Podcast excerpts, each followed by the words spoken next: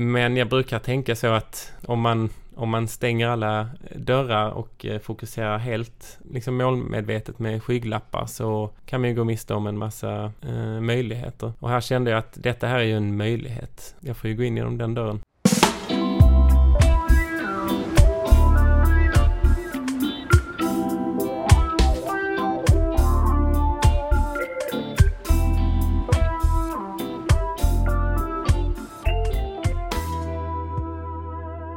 Varmt välkomna till Vårdfrågan, en podd från Praktikertjänst om hur vi ger vård till fler, bättre vård till fler.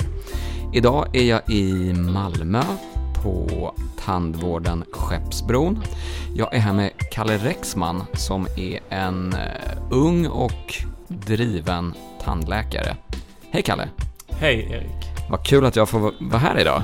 Välkommen hit, kul att ha dig här. Tack! Vi ska ju prata bland annat om ledarskap i tandvården. Eh, och bakgrunden till det är väl egentligen att tandvården, precis som många andra välfärdsyrken, brottas en hel del med eh, stora pensionsavgångar och en hel del rekryteringssvårigheter. Det vill säga, det är inte alldeles lätt att rekrytera unga till yrken inom vården oavsett om det är tandvården eller hälso och sjukvården. Så jag tänkte att vi kan prata lite om vad det beror på, bland annat. Eh, Kalle, du är ju 33 yeah. och blev verksamhetschef eller resultatenhetsansvarig eller kostnadsansvarig och, och chef här på enheten ganska ung, eller hur? Mm. Det var för fem år sedan. Yeah, ja. Och hur kändes det? Det var ingenting, eh, jag har inte reflekterat över det särskilt mycket förrän du precis eh, tog upp det innan vi började prata här. Kanske ung, men jag kände mig ändå redo. Ja. Eh, och det måste ju ändå vara det som, som betyder något så att säga. Ålder och erfarenhet hänger väl absolut ihop men man kan ha erfarenhet även vid lägre ålder så att Mm. säga. Nej, absolut. Sen kan det väl vara massor med andra faktorer också. Men är, är, är något är att driva egen mottagning eller verksamhet någonting som du hade tänkt på länge eller hur, hur landade du liksom i den rollen? Ja, jag eh, flög väl in på ett bananskal eller vad man säger. Eh, min eh, företrädare när han började fundera på att gå i pension så kontaktade han mig och sa att ja, nu planerar jag min pension och jag ser gärna att du tar över. Mm. Och det var när jag precis eh, var färdig tandläkare. Mm. Eh, och så kom vi överens om att det är bra att ha lite arbetsliv, arbetslivserfarenhet innan. Eh, så jag jobbade eh, 15 månader i folktandvården och sen var det dags. Mm. Så han du tog över från, han jobbade här då? Ja. Och hade, du hade lärt känna honom genom skolan då eller? Var det... Nej, det var väl egentligen... Ja, vi fick kontakt på någon vänster och det liksom klickade lite grann. Mm. Eh, sen var jag här på mottagningen när det invigdes. Eh, 2011 måste Mm. det ha varit. Eh, och eh, ja, efter det så började vi diskutera lite grann. Mm. Och eh, fick ett förtroende för varandra och eh, det är jag idag väldigt tacksam över att han kände för mig i Mm. alla fall. För hur kände du när du gick i skolan eller när du liksom pluggade till tandläkare? Vad, hade du någon liksom långsiktig plan då om vad som ska hända efter examen? Ja, jag var, jag var rätt så fast besluten om att jag ville specialisera mig faktiskt. Ehm, och uh, de tankarna uh, kände jag väl lite grann, ja det får jag ju lägga lite grann på is om jag då ska liksom gå in som verksamhetschef och uh, ja, bedriva en, en verksamhet för då kan jag ju inte ägna 100% åt mig själv. Mm. Ehm, men jag brukar tänka så att alltså, om, man, om man stänger alla dörrar och eh, fokuserar helt eh, liksom målmedvetet med skygglappar så kan man ju gå miste om en massa eh, möjligheter. Mm. Och här kände jag att detta här är ju en möjlighet. Ehm, jag får ju gå in genom den dörren. Mm. Eh, och det ångrar jag absolut inte. Och eh, de här eh, tankarna kring att specialisera mig. Ja, jag har hittat eh, liksom andra områden som intresserar mig minst lika mycket så att säga. Ja. Och vad var det för specialitet som du var liksom intresserad av? Ja, det var, Då. det var käkkirurgi. Ja. Eh, såklart. Det är ju eh, mångas eh, liksom drömfält, i alla fall under studietiden. Ja. Ehm, det jag har hittat nu det är ju, det är ju eh, på det spåret såklart. Ehm, vi sysslar en hel del med kirurgi här och eh, jag utbildar mig så mycket jag bara kan. I, i mån av tid, i mån av pengar, i mån Ja. av eh, eh, intresse och motivation. så kan jag göra det i, i min takt så att jag liksom håller flamman vid liv så att Mm. säga. Och varför tandläkare? Ja, den inte? eh, frågan får man ju av många för att eh, det är ju många som tycker att det är ett rätt märkligt yrke att eh, drömma om. Min dotter, äldsta, drömmer om det. Jaså? Ja, Ja. det gör hon. Ja. Hon drömmer om läkare också och eh, driver ett frisörcafé. Ja, ja, ja, ja, men det kan man säkert kombinera på den vänster. Det blir mycket plugg. Exakt. Ehm, nej, men min eh, eh, liksom förtjusning i tandläkaryrket, det, eh, det kom lite grann av att eh, jag ville ha liksom både det praktiska och det akademiska så att säga. Mm. Jag är alltid hungrig på mer liksom, kunskap. Men jag tycker det är vansinnigt roligt att jobba med, med händerna. Mm. Och då kunde jag inte komma på någon liksom, bättre kombination i ett yrke. Mm. Men, Kalle, ledarskap. Är du en chef eller en ledare? Ja, den eh, frågan är ju inte helt enkel för att man kan vara både det ena och det andra separat men även samtidigt. Och det är väl det sistnämnda som är det svåra så att säga. En chef är ju någon som ska leda verksamheten i en större utsträckning än en ledare gör. En ledare är väl kanske mer att motivera sin personal. Mm. Och ibland kan ju de krocka med varandra lite grann. Mm. Eh, så för att svara på din fråga så eh, säger jag både och och inget av det. Ja. en chef är ju lite för mig nästan så här nidbilden av en person som gärna pekar ganska mycket med hela handen och Mm. säger nu gör vi, gör vi så här. Nästan, Mm. nästan lite militäriskt. Mm. Eh, tycker du att det är lite så också? Ehm, ja, alltså det är väl nidbilden, absolut. Ehm, sen, alltså en del av erfarenheten jag har kring eh, eh, chefskap och ledarskap kommer ju just ifrån militären och jag Mm. tror det är där eh, jag har mina eh, djupaste insikter, eller bästa insikter kanske. Eh, ifrån bra ledare. Mm. Just. Och varför just militären? Är du, har du bakgrund inom militären eller är du bara intresserad av den typen av Nej, jag, jag, jag har viss bakgrund inom militären. Ja. Eh, förutom värnplikt så var jag ett år i Afghanistan också. Okej, och vad lärde du dig där? I frågor om liksom chefskap, ledarskap och liknande. Det är väl svårt att bara sådär uh, koka ner till eh, en uh, snygg mening sådär. Men eh, jag lär mig mycket, alltså, där lärde jag mig mycket av att eh, observera hur en ledare agerar i stressade situationer såklart. Mm. Det är ju svårt att hitta mer stressande situationer än, säg i strid till Mm. exempel. Men har du själv några, vad ska man säga, personliga förebilder, både kända eller, eller okända? Någon som du tycker den här personen har gjort X eller Y bra, väldigt bra? Det jag liksom främst eh, kommer att tänka på när du säger det, det är faktiskt min chef jag hade eh, när jag var i Afghanistan. Mm. Eh, han är liksom en ledstjärna för mig när det kommer till att eh, behålla lugnet i en pressad situation. Eh, nu vill jag inte att liksom, det ska vara någon sorts mantra för eh, hur, hur jag tänker kring ledarskap, men eh, ja, om, om, om jag ska plocka fram en eh, förebild Mm. så är det Major Bengt. Mm. Och vad, vad, vad känner du liksom med ditt jobb här på, som tandläkare? Vad kan man liksom ta med sig från militären in i, i, i dagliga yrkeslivet? Just det här med att behålla lugnet Mm. eh, tror jag är en väldigt bra egenskap som ledare att ha. Ehm, för att är man den utpekade ledaren eller den inofficiella ledaren så att säga så eh, tittar ju ens medarbetare på hur man agerar. Mm. Och kan man då behålla lugnet i en eh, stressad situation så kan man motverka en hel del stress innan den uppstår så att säga. Eh, det och att kanske en eh, floskel men håller man huvudet kallt så kan man ofta tänka klart så att säga. Mm. Men hur är du själv annars som, eh, som chef och ledare? Jag vet inte, hur många är du ansvarig för här på, på mottagningen? Ja, eh, vi är ju sammanlagt eh, 23 Mm. eh, medarbetare här. Tandläkare, tandhygienister, eh, receptionspersonal, tandsköterskor. Och eh, chefskapet är ju uppdelat på de olika kostnadsställena som vi har Mm. det här i praktikertjänst. Men eh, jag har väl tagit ett lite större eh, ansvar när det kommer till eh, eh, receptionspersonal och att eh, ja, hålla i lite möten och sådana grejer. Du är lite mer övergripande också, kan ja, man säga det? ja, precis. Mm.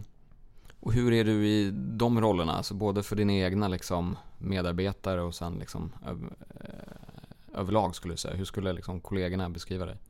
Nog att eh, jag är bra på att behålla lugnet. Mm. Men eh, att jag kanske kan vara lite för eh, lugn i vissa situationer Mm. också. Mm. Ehm, en insikt jag, jag har kommit till ehm, på, på senare tid är väl att jag är, eh, jag är nog inte den bästa på att eh, eh, ge bekräftelse, Mm. kan man säga. Så det är någonting jag jobbar mycket på nu, Mm. att bli bättre på det. Och hur jobbar du med det? Alltså är det löpande liksom insikter i vardagen? Är det någon typ av extern coachning, kurser, utbildningar? Hur, hur jobbar du med det? Ja, i, i, alltså det här ämnet intresserar mig så att eh, jag lyssnar på en hel del poddar Mm. och jag, eh, jag läser, jag diskuterar med eh, vänner och bekanta som, som jobbar inom området eller Mm. själva är eh, chefer och ledare. Eh, och sen har jag gått eh, utbildning också. Mm. Nu senast så har jag gått den här eh, modernt ledarskap inom praktikertjänst. Just det. Eh, vilket jag verkligen rekommenderar alla. Det känns som en lyx att kunna eh, lägga den tiden och pengarna på att utveckla sig själv Mm. i sin roll som ledare. Mm. Men du, om vi vänder på frågan också då, för att bara belysa det här från många olika aspekter. Vad är dåligt ledarskap? Ja, dåligt ledarskap kan vara mycket såklart. Eh, jag tror, alltså den sämsta egenskapen att besitta, eller att inte besitta rättare sagt, det är att eh, sakna en förmåga till självinsikt. Mm. Att inte förstå hur ens eget agerande kan påverka andra. Mm. Eller att liksom höra sina ord eh, lite grann ifrån mottagarens eh, eh, perspektiv. Mm. Eh, där kan det gå väldigt fel för att man kan ha goda intentioner men resultatet kan ju bli fel ändå så att säga.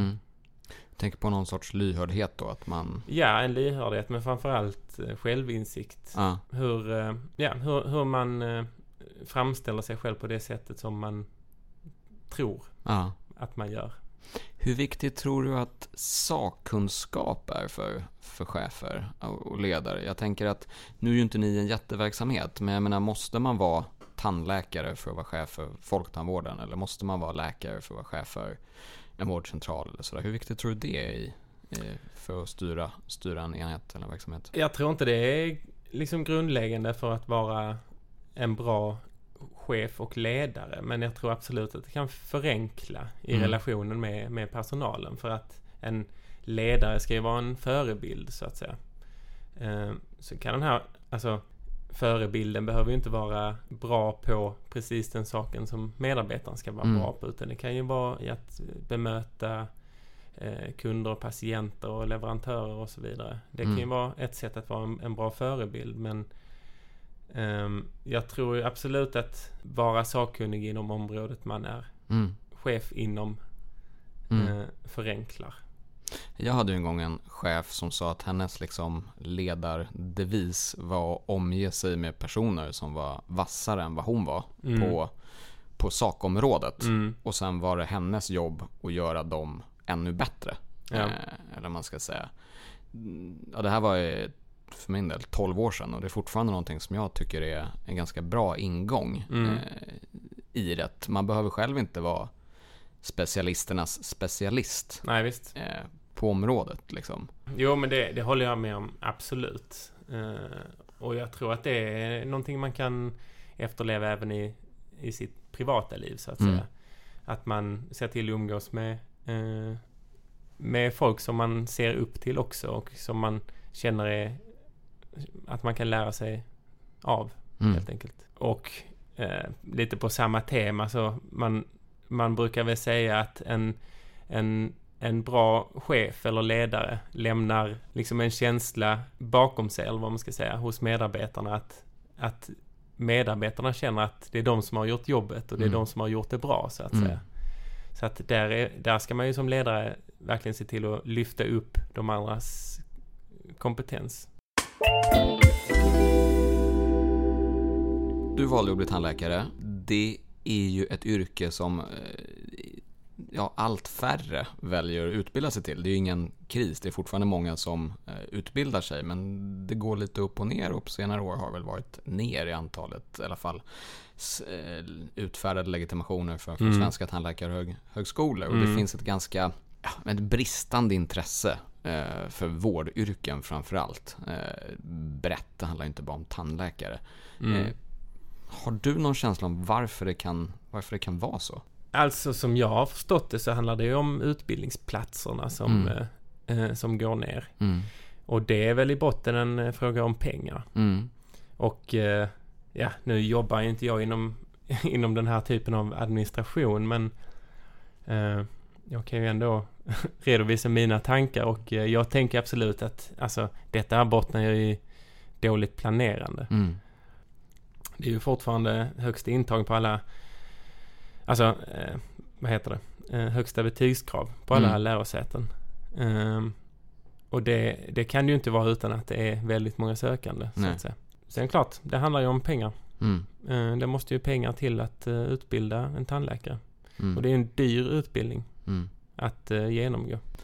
För det, det ena problemet är ju då som du är inne på förmodligen att det är inte tillräckligt med platser. Att det behövs liksom att man skalar upp utbildningarna ru- runt om i landet. Men Mm. sen har du ju, alltså det känns ju som alldeles oavsett om man liksom skalar upp med ett antal platser här och var så har vi fortfarande den här, vad ska man säga, upp och nervända pyramiden eller den Mm. demografiska utmaningen med att det är ganska omfattande persons, pensionsavgångar Ja, inom, inom tandvården. Mm. Så det är ju precis som i många andra välfärdsyrken, det är ju någonstans färre som kommer behöva eh, vårda fler. Ja, visst. Eh, Ja. och, och, och sådär. Och framförallt i glesbygd. Eh, som jag vet vi har haft ett annat avsnitt om här på Vårdfrågan. Men jag tänker att där just få tandläkare att jobba liksom utanför där vi är nu, centrala Malmö. Och, och liksom jobba på skånska landsbygden eller Mm. kanske ännu mer eh, Dalarna, Västernorrland, Västerbotten, Norrbotten. Vad, vad tror du krävs för att locka dit dem? Ja. Inte helt enkel fråga att ställa någon som eh, jobbar i storstan helt enkelt.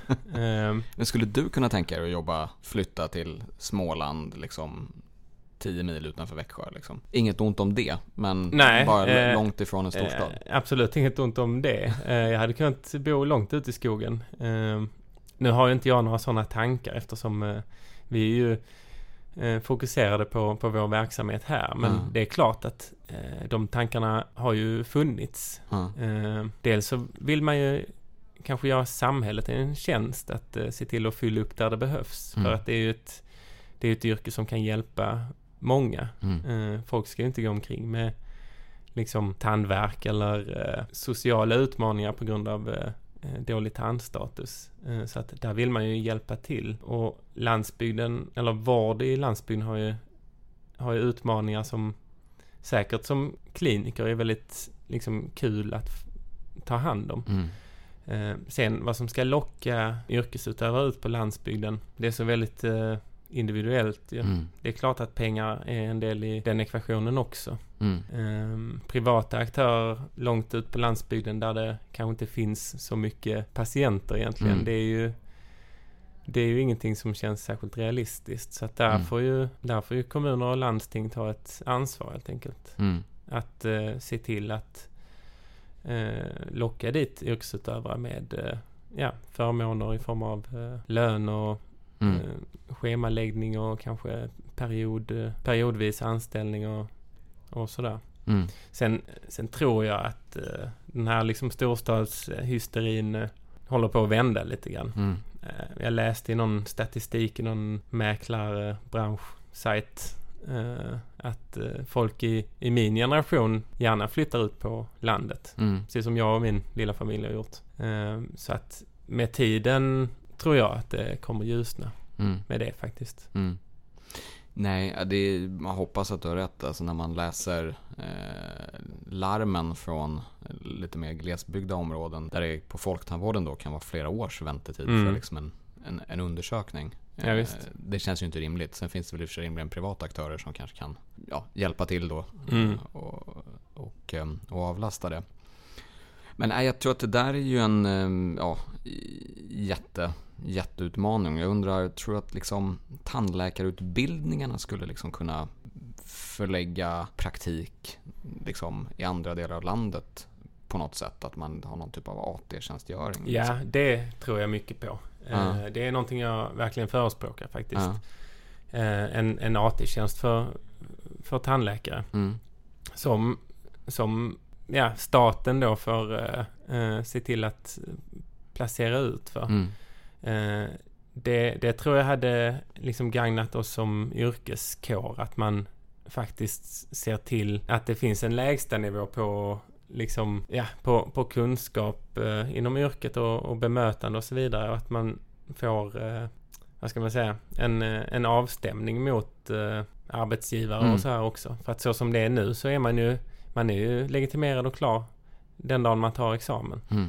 Eh, och sen är det bara ut och göra vad man vill, Mm. mer eller mindre. Eh, och jag tror att man, man släpper studenterna lite för fort. Så att eh, en, eh, en AT, absolut. Eh, Ja, är det något annat du tänker på att man släpper eh, tandvårdsstudenterna lite fort? Tänker du, finns det något med liksom att det skulle behövas mer praktik eller kvaliteten generellt eller något annat sånt som du funderar på?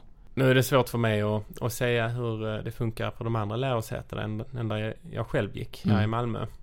Eh, I Malmö har vi väldigt mycket praktik och eh, det är ju det studenterna ifrån Malmö universitet numera är kända för. Mm. Att rent kliniskt är det kompetenta studenter som släpps ut. Så att kvaliteten där, alltså genomsnittet är ju utan tvekan bra skulle jag säga. Mm.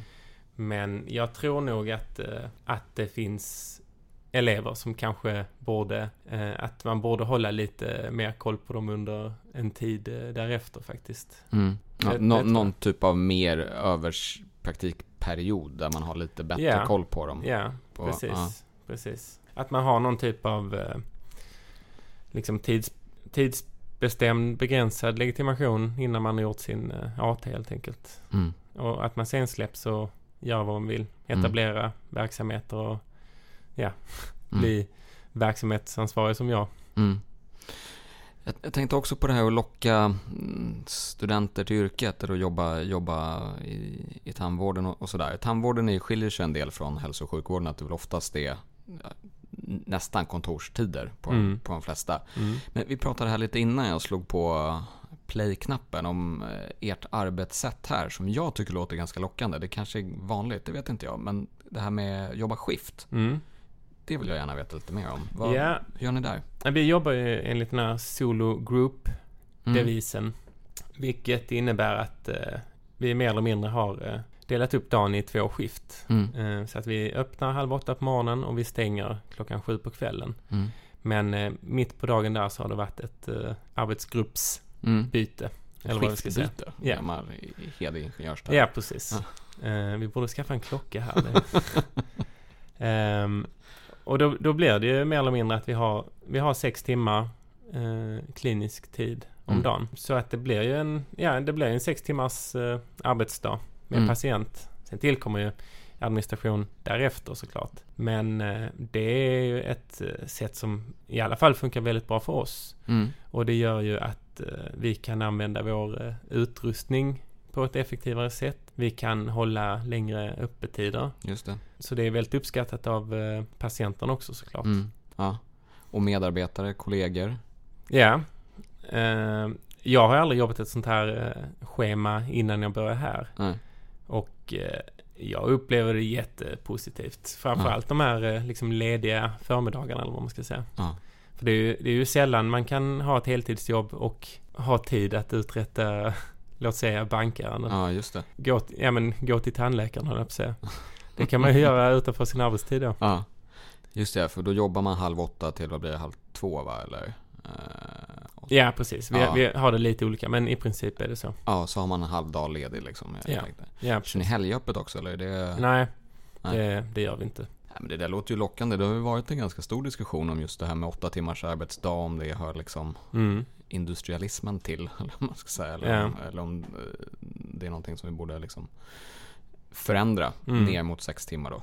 Ja, alltså eh, på, på vårt arbetssätt eh, funkar det väldigt bra i alla fall. Sen vet jag inte om det funkar inom alla yrken så Nej, att säga. nej, nej, så- såklart. Men det känns ju som att det är ja, intressant att pröva det där, där det kan funka. Och det Mm. funkar ju då uppenbar, uppenbart. Är det någonting som ni lyfter fram i så här rekryteringskommunikation och liknande? Att det, så här jobbar vi, eller är det allmänt typ känt? Ja, det är väl allmänt känt. Jag tror det här solo group-konceptet är ju, åtminstone inom praktikertjänst, är det ju eh, känt. Ja, Och det är klart att eh, det är någonting vi, vi tar upp i en rekryteringsprocess. ja, Eh, för att eh, det finns inget alternativ till det. Man kan ju inte börja jobba här med ett vanligt schema så att säga. Nej, det är det här som gäller. För att, liksom. Mm. ja precis. Man måste liksom eh, in i rotationen. Mm. Och sen tänkte jag att vi ska bara liksom ta ett lite, lite mer politiskt fokus här. Mm. Eh, lite grann. En, Spännande. exakt, en alltid aktuellt fråga är ju hur tandvården är organiserad. Det kan låta ganska träigt, men det är alldeles superintressant. Och det handlar ju om tandvården ska vara en del av den allmänna hälso och sjukvården och framförallt ingå i den allmänna hälso och sjukvårdens högkostnadsskydd som väl ligger kring 2000 kronor tror jag. Mm. Det har ju diskuterats länge och det är en utredning just nu om det som ska presenteras i mars 2020. Eh, Det är ju en jättesvår fråga det här. Eh, Mm. För den har många olika bottnar. Med liksom många olika perspektiv och sådär. Vad, vad tror du om en sådan lösning? Att den ska liksom ingå i landstingens verksamhet, eller man ska säga. Ja, det är precis som du säger. Det här är ju en... eh, Det är ett stort ämne, det är en svår fråga. Som, som tandläkare så har vi ju ett, vi har ett ansvar gentemot patienten, vi har ett ansvar gentemot eh, eh, vår personal, vi har ett ansvar mot eh, skattebetalarna eftersom Mm. vi använder eh, eh, medel från Försäkringskassan. Mm. Ur patientens perspektiv, ja, när, när är man då frisk så att säga? Mm. Eh, Är det när man har fått alla sina behov eh, mötta? Det kan ju skilja sig väldigt mycket från, från en person till en annan. För, för en person kan det ju kännas väldigt stympande att bli av med en, med en tand långt bak i munnen. Mm. Eh, Och vill ha den ersatt med, låt säga implantatbehandling. En rätt så kostsam behandling som kan kosta liksom 25 000 kronor när vi, när vi är färdiga med den. Eh, Medan för en annan eh, patient kan eh, slå av en halv framtand utan att det bekommer en så att säga. Mm. Ska de här patienterna då båda hamna inom landstingstaxa och ha liksom mer eller mindre gratis tandvård, då blir det ju väldigt ojämnt fördelade pengar där. Jag, jag ser liksom inte att, eh, att det är realistiskt. Idag har vi ju, alltså det finns ju, det finns ju patienter som har rätt till fri tandvård så att Mm. säga. Eh, inf- alltså infektionssanering inför eh, eh, större eh, medicinska behandlingar eller kirurgier. Eller människor med kroniska sjukdomar som behöver extra hjälp. Så att någonstans kan jag känna att strukturen finns för att eh, förse den svenska befolkningen med liksom en jämställd, eh, en jämställd behandling. Mm. De som verkligen behöver eh, tandvård, de får det. Sen är det ju såklart människor som faller mellan stolarna. Mm. Det blir ju fler och fler fattigpensionärer till Mm. exempel. Eh, där kan jag ju personligen liksom vurma för dem. Jag hade gärna behandlat människor gratis. Men ja, så funkar inte systemet och eh, ja, det är synd. Så att absolut att, att vi borde titta på ett sätt att eh, göra det billigare för, Mm. för eh, i alla fall vissa grupper. Mm. Men att få in hela tandvården under landstinget, det, det tror jag är en dålig idé. Mm. Och nu när vi har pratat en del om ledarskap och så här. Eh, min känsla över hur liksom landstingsvården fungerar är ju lite grann att eh, där det brister som mest är det med just ledarskap Mm. och eh, de bitarna. Eh, och att föra in en fungerande verksamhet som jag ändå måste säga att tandvården i stort är med tanke på kundnöjdhet och de siffrorna som är liksom långt över 90 procent. Mm. Eh, att föra in det i ett eh, eh, koncept som inte verkar fungera. Mm. Då tror jag vi gör oss själva som skattebetalare en riktig otjänst. Mm. Jag kan ju ibland känna när den här diskussionen kommer, eh, och det är ju lite det du är inne på, men if it ain't broken, don't fix it. Liksom. För att, det, som du är inne på, det, Mm. den funkar generellt ganska bra. Mm. Det, det är klart att, som du också har sagt, man kan säkert putsa både här och där. Liksom. Mm. Men att göra förändringar med ett Alexander-hugg, liksom, det är frågan om det verkligen Nej. är lämpligt. Ja, precis. Eh, sen vet jag andra diskussioner har ju varit att, som jag i alla fall har följt, är att man kanske har börjat lite i, med, i fel ände med fri tandvård, det vill säga upp till 23-24. Men att man inte har gjort lika mycket uppe i en andra åldersspannet Ja, där inte de största problemen finns. absolut. Absolut. Eh, jag, tror, jag tror att du har få, du hittar få tandläkare som eh, ger eh, gehör för att eh, det är en bra idé att öka barnåldern till Mm. 23. För att det är inte barn vi behandlar. Mm. Alltså en 23-åring som, som inte sköter sin munhygien och får eh, gratis behandling. Jag tycker inte det klingar rätt. Mm. När, när vi liksom patienten efter har en, eh, en äldre dam som har fått sälja sin kolonilott för att ha råd med en ny protes. Mm. Eh, det känns, eh, känns inte bra alltså. Nej, och jag, jag håller med. Alltså det är någonstans, utan att ha liksom kunskaper från golvet, så är det ju den känslan jag har, har också. Mm. att, och nu sänker ju dessutom, tror jag, Västra Götaland har väl det som förslag att man ska sänka från 24 till, till 23 år. Sen vet jag inte om man kommer att trappa av det ännu mer, men Mm. man sänker i alla fall från 20 24 till 23. Mm. Men eh, jag tänkte att vi ska avrunda lite grann med att liksom återgå till, till huvudämnet. Och det är ju eh, rekrytering av tandläkare, ledarskap och sådär. Vad tror du att liksom, nyexade studenter söker hos sina arbetsgivare? Mm. Jag tror att eh, det krävs ett liksom modernare approach till att eh, eh, locka till sig Mm. Nya eh, unga tandläkare och eh, måste ge dem utrymme att eh, liksom växa efter sina egna behov. Sen måste de här behoven ju liksom passa in i den stora bilden men att man som chef måste ha betydligt mer gehör Mm. mot, mot medarbetaren. Och inte minst eftersom det vi redan har pratat om här att kompetenskvoten Mm. Blir eh, lägre eller mindre, eller Mm. man ska säga. Eh, färre, färre tandläkare per tjänst helt enkelt. Så att ja, det är en utmaning ju. Att, eh, att eh, locka till sig och eh, fortfarande är det väl enklare i storstadsregionerna. Men eh, jag tror att landsbygden kan ju erbjuda en frihet på ett annat sätt. Mm. Där det är mindre konkurrens helt enkelt. Kul att vara här idag, Kalle. Kul att ha dig. Jätteintressant att höra om ledarskap och, och massor med annat. Tack så mycket för att jag fick komma hit. Tack så mycket Erik.